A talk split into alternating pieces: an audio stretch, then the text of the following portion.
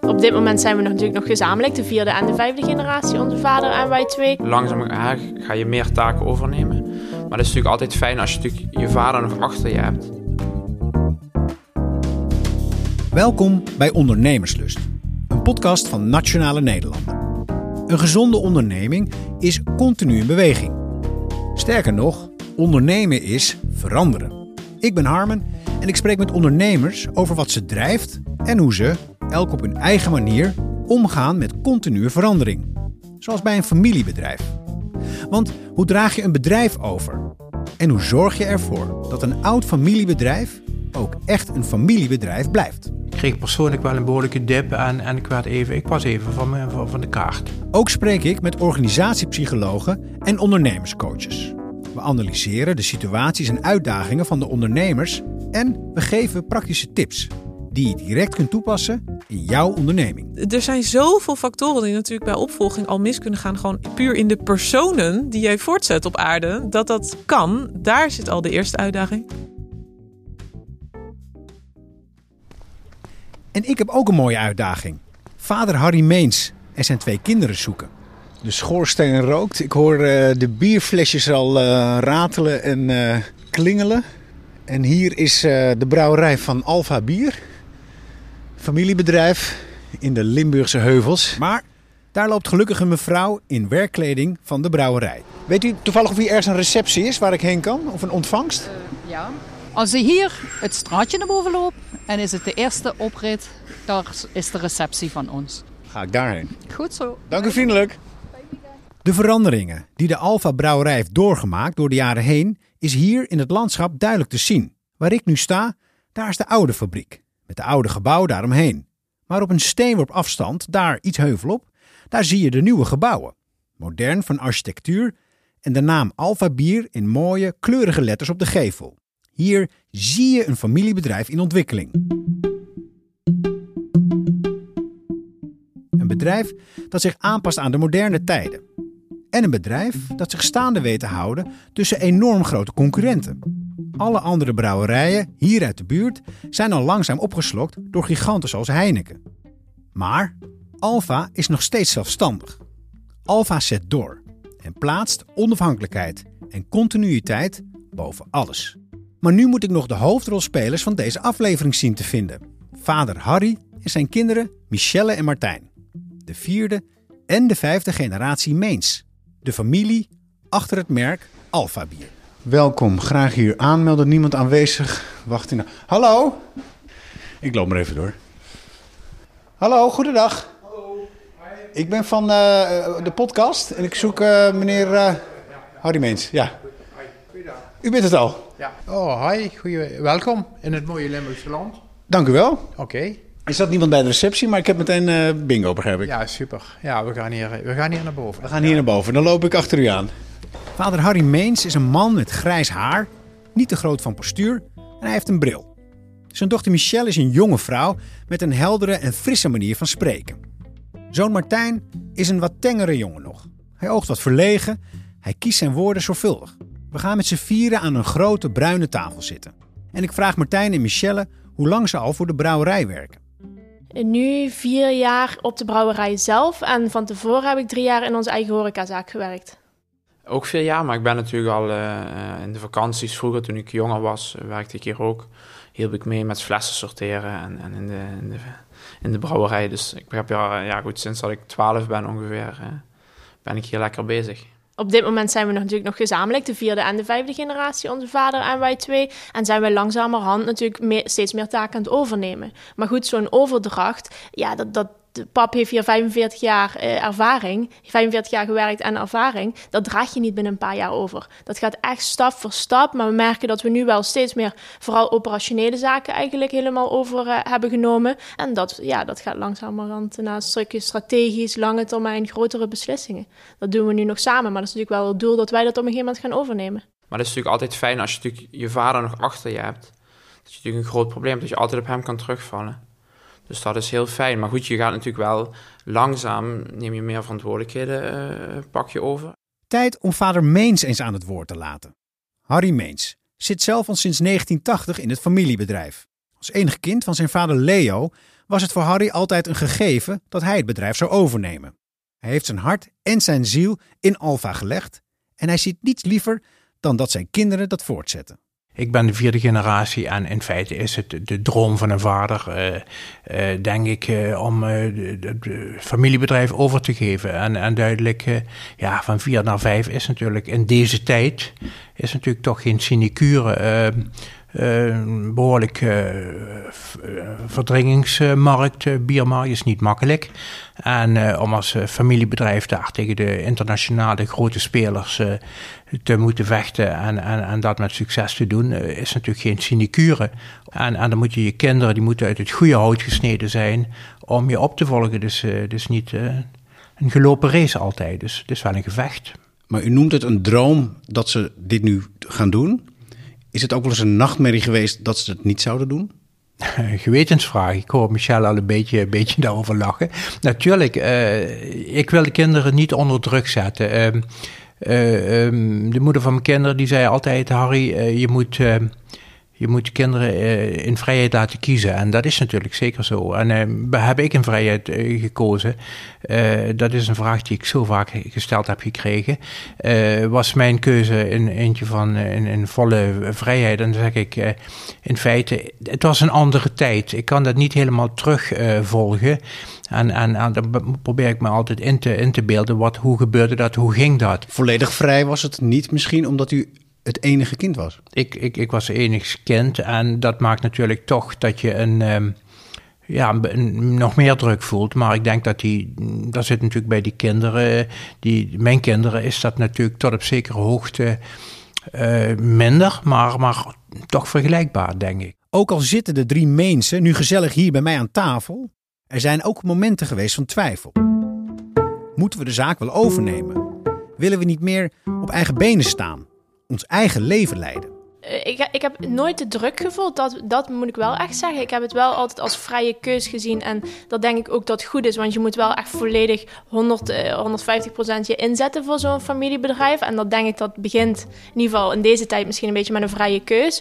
Maar uh, ik heb natuurlijk wel ook aan de andere kant altijd gehoord dat hij het heel graag uh, had als wij met z'n allen in het bedrijf kwamen. Is hij angstig geweest dat het niet zou gebeuren? Ja, ja, want op een gegeven moment, ik zat drie jaar in die horecazaak. Toen ben ik weggegaan. Toen dacht ik van, ik ben nu nog jong. Ik wil nog even reizen en iets van de wereld zien. En op dat moment ging Martijn volgens mij ongeveer ook uh, uh, naar Oostenrijk om iets anders te doen.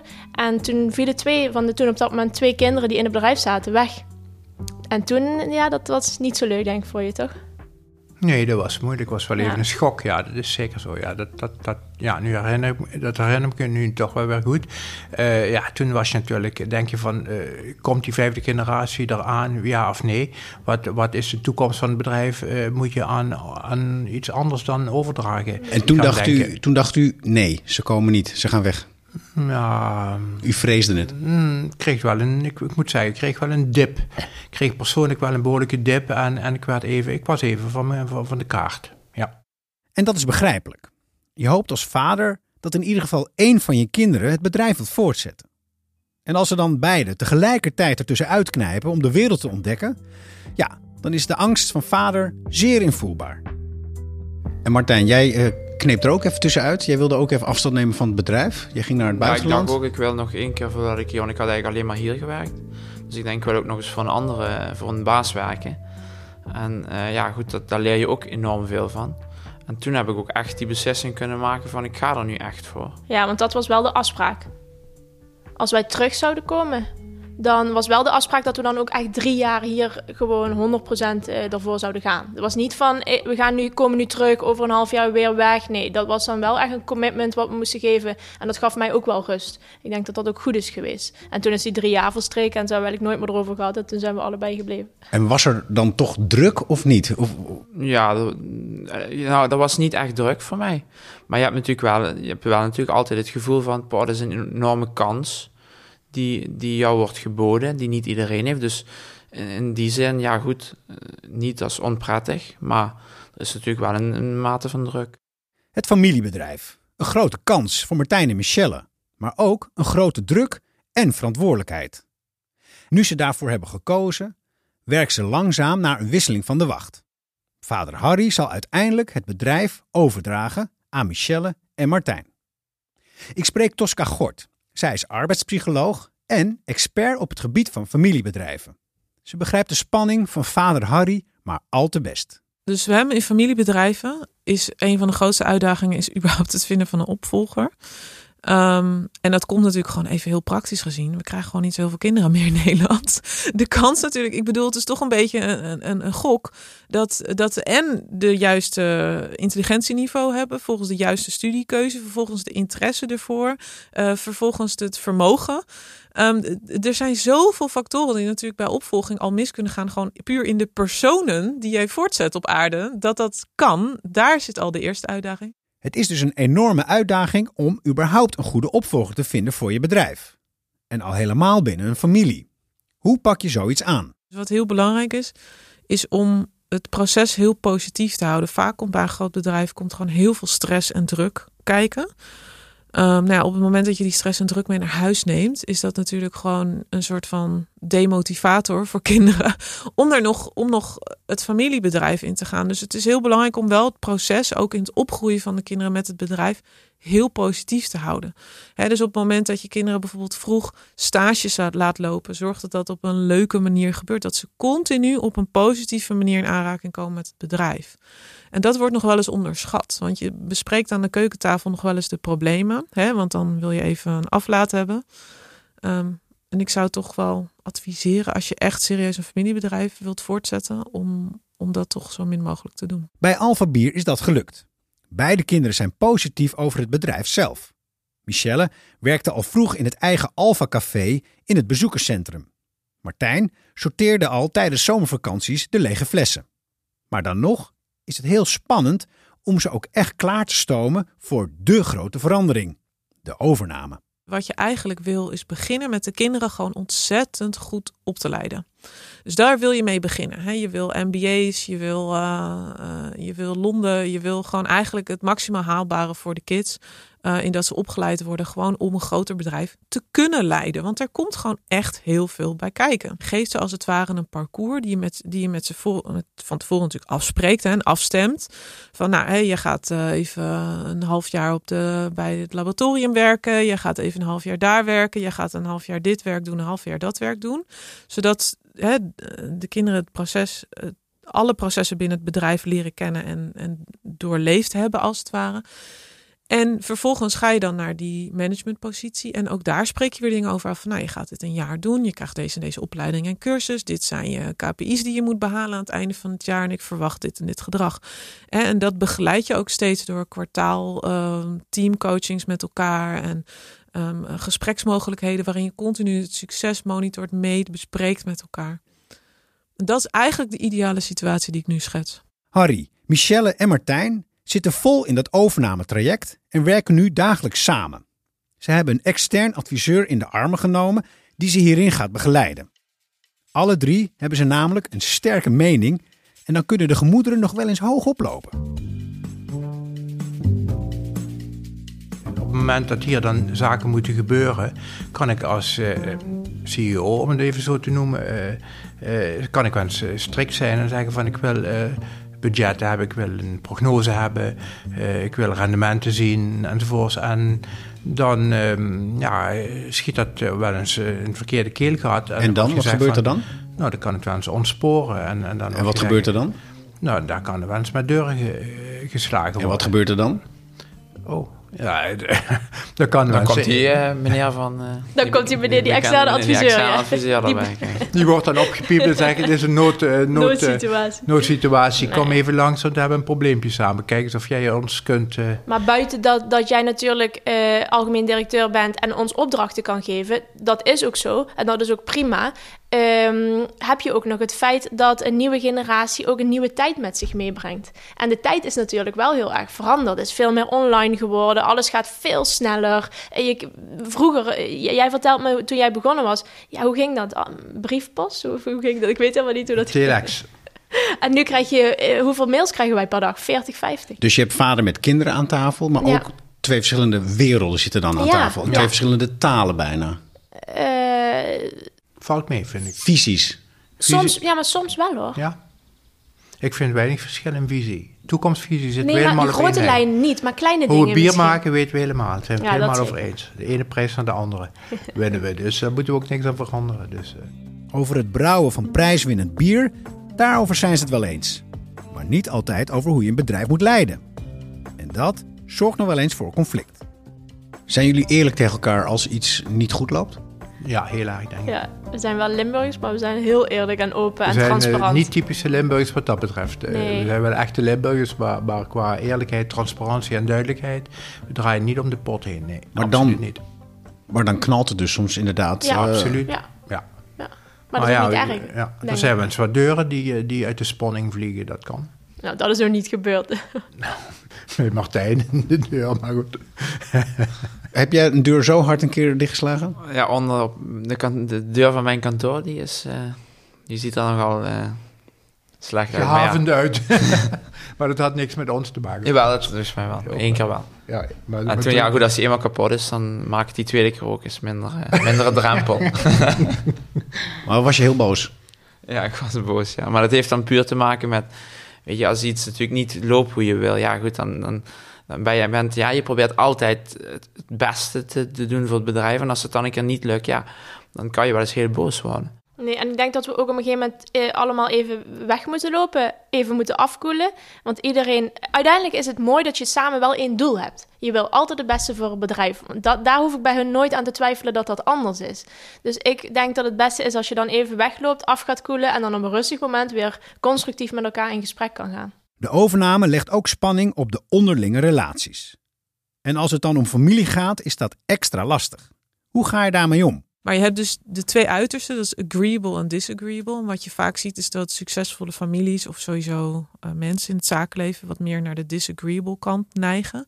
Dus die zijn wat vaker geneigd eigenlijk om zich uit te spreken bij problemen, eh, problemen op te lossen, eh, dat soort dingen. En de agreeable is meer van ik vind vriendelijk zijn zo belangrijk dat ik soms ook de mantel der liefde ergens overheen leg. Op het moment dat je natuurlijk een familiebedrijf hebt, is de kans dat er een paar disagreeable mensen in zitten vrij groot. Uh, dus dat betekent heftig conflict, dingen worden uitgesproken. En het risico wat je daar hebt is te ver daarin gaan. Gewoon echt mensen slopen elkaar, slopen te vaak. Um, uh, dingen benoemen, vinger op de zere plek leggen. Dus ook disagreeable mensen hebben natuurlijk gewoon een hart en een ziel. En hebben heel veel emoties en gevoelens. zijn heel gepassioneerde mensen. Dus ja, daar zit een heel groot risico. Een familie vol passie, betrokkenheid en verantwoordelijkheidsgevoel. Daar schuilt dus ook een gevaar in. Slim is het dan om er nog een persoon bij te zetten. Iemand van buiten de familie die het proces begeleidt. Ja, en de grens om iets te zeggen iets lager. Dat vooral. Dus daar waar je in een normale vriendschap, bij wijze spreken, nog een paar grenzen hebt in wat je zegt, zie je al gauw dat je in een huwelijk of in een familie, dat die grenzen wegvallen. Dat alles wordt gezegd, alles op tafel komt. En soms wil je daar een klein beetje een halt in toeroepen en daar een wat veilige setting in creëren, in wat nog gezegd kan worden. En soms is dat door de derde erbij te zetten, letterlijk. He, dus dan zie je dat er bijvoorbeeld een manager is of een teamcoach of whatever, maar in ieder geval een derde persoon die als het ware het gesprek geciviliseerd houdt. De familie Meens bevindt zich dus in een cruciale fase van de overname. De oude baas is er nog. De twee jonge telgen staan te trappelen om het over te nemen. Maar wat is het geschikte moment? En hoe bepaal je wanneer je klaar bent voor die verandering? Zijn de kinderen er al klaar voor? Of, misschien nog wel belangrijker, is pa er klaar voor? Nee, dat denk ik ook nog niet. Ik denk buiten het feit dat wij inderdaad ook nog niet klaar zijn voor een overname, is het ook heel erg moeilijk om, om zoiets los te laten. Als jij 45 jaar hier een bedrijf hebt opgebouwd, hebt uitgebouwd en groot gemaakt, uh, dan laat je dat niet zomaar los. Ben je daarmee eens, Martijn? Ja, goed, dat hij zal, ik denk dat hij het nooit helemaal gaat loslaten. Dus, dus dat denk ik dat hij altijd uh, nog feeling met het bedrijf zal blijven houden natuurlijk. Dat kan niet. Wat Michel ook zegt, dat na 45 jaar ga je dat nooit helemaal los kunnen laten. Maar ben je niet bang dat hij dan in de... Die, ja, de vraag is natuurlijk hoe diep gaat hij dan in de... Blijft hij er nog in zitten? En dat is natuurlijk een beetje... Daar moet je natuurlijk duidelijke afspraken over maken. Zijn jullie daar al aan begonnen, aan, aan die gesprekken? Ja, ja. Ja, we zitten wel nu echt uh, met een externe adviseur erbij om te kijken van hoe kunnen we dat, uh, dat overname-traject zo goed mogelijk uh, um, afspreken, stroomlijnen. hoe lang duurt het? Wat is daarvoor nodig? ja, dat is denk ik wel heel belangrijk om dan duidelijkheid aan beide kanten eigenlijk ook te creëren. Ja. Ja, kijk, en je bent, zolang als je leeft, denk ik dat het uh, toch uh, jouw brouwerij zal zijn en blijven. Ik meen, uh, maar operationeel en anderszins moet je wel stappen terug durven te zetten. En moet je hier komen om een biertje te drinken en om een keer hier tegenover te komen eten. En, en, en, en even een hand te komen schudden aan de, een hand komen geven aan de mensen die hier die hier al heel lang werken en, en even dag zeggen. En, uh, maar daar moet het dan ook bij blijven. En, en uh, goede raad zul je altijd geven. En, uh, is ook prima hè, dat pap advies geeft. Vind ik helemaal niet erg. Als je maar het besluit dan in de toekomst bij Martijn en mij laat. Want dat is dan wel heel, heel belangrijk. Want anders loopt hij in de weg. zou kunnen. Dat wil je niet zeggen natuurlijk. Nee, dat weet ik niet. Dat kan ik nu nog niet beoordelen. Ik heb zo'n beeld van zo'n familiebedrijf waar dan...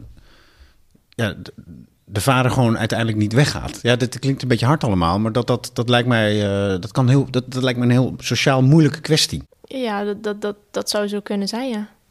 Ja, dat, ik, ik snap aan zijn kant ook dat het niet makkelijk is. Aan de andere kant uh, moet je het op een gegeven moment het vertrouwen natuurlijk in je kinderen uitspreken. En zeggen van, jongens, jullie kunnen dit, ga ervoor. En uh, ik geef jullie alleen nog advies wat jullie ermee doen. Helemaal aan jullie. Jullie zijn verantwoordelijk ik hoop wel dat we dat punt ooit natuurlijk gaan uh, bereiken. En jij Martijn, hoe denk jij daarover? Ja, goed, ik denk zeker dat we daar naartoe moeten. Dat uiteindelijk er een punt komt dat, uh, dat toch wordt gezegd, ja, vanaf vandaag zijn jullie verantwoordelijk. En uh, fiets ik er niet meer even, zoals nu wel nog gebeurt en terecht, fiets ik er nog even tussendoor. Hè? Want dat gebeurt nu soms wel en dan krijg je natuurlijk discussies ook. Dat moet je op een gegeven moment niet meer hebben. Nee. Het is geen makkelijke situatie. Het is heel mooi, maar het is ook echt niet makkelijk. Tosca Gort ziet dat dit zeker niet gemakkelijk is. En ze heeft daarom ook een belangrijke tip. Psychologisch het belangrijkste is dat natuurlijk beide partijen vinden dat, um, dat ze er klaar voor zijn. Maar ook dat echte verantwoordelijkheid op een gegeven moment wordt overgedragen. Dus wat je nog wel eens ziet, is dat bijvoorbeeld aandelen dan blijven bij de, um, ja, bij de, de, de oprichter. Um, of uh, dividendstructuren nogal gunstig gaan die kant op. Nou, dat is natuurlijk volledig begrijpelijk. Alleen op het moment dat je natuurlijk um, echt een bedrijf overneemt, ja, echt ondernemen en ook je ondernemer voelen, is ook een beetje wel gewoon heel veel risico nemen. En dat gevoel kan je alleen maar krijgen als je die kans ook krijgt. Het bedrijf echt kan overnemen. Echt jezelf laat financieren om het bedrijf laat over te nemen. En dat dus ook het winst en verlies naar jou gaan. En op het moment dat dat nog niet het geval is, ben je eigenlijk ook nog niet stiekem echt ondernemer. De grote uitdaging staat binnenkort toch echt voor de deur. De verandering die ze met z'n drieën moeten omarmen. De Alfa Brouwerij van generatie 4 naar 5. Van vader naar de twee kinderen. Van Harry naar Michelle en Martijn. Primair is voor ons toch die trots op dat bier. Een geweldig bier maken waar mensen zeggen van ja, dat is toch wel iets speciaals. En, uh, u bent trots op het bier? Ja. Bent u trots op uw kinderen? Ja, ook ja, totaal. Want zij zijn het verlengstuk van mij en van het bedrijf en van alles. We doen het samen. En, en zij vullen dat uh, nog beter in dan ik het kan op dit moment. Heb je al kinderen? Nee. Heb jij ook kinderen? Nee. Zijn jullie daar ook al mee bezig? Ik ben daar niet mee bezig. Het zou wel zo moeten als ik het zo zie. Daar hebben we nog genoeg tijd voor, denk ik. Opvolging moet ook weer geregeld worden voor de generatie hierna. Maar laten we eerst maar deze opvolging uh, succesvol maken en dan zien we dan wel weer verder. En zo ligt ook die beslissing alweer klaar voor de, nou ja, nu nog verre toekomst. Want ja, een familiebedrijf hè. Je hoort het verhaal van Harry, Michelle en Martijn van Alpha Bier. Wil je meer van dit soort verhalen horen en lezen? Of wil je weten hoe Nationale Nederlanden jou als ondernemer support biedt? Kijk dan op nn.nl/slash ondernemerslust.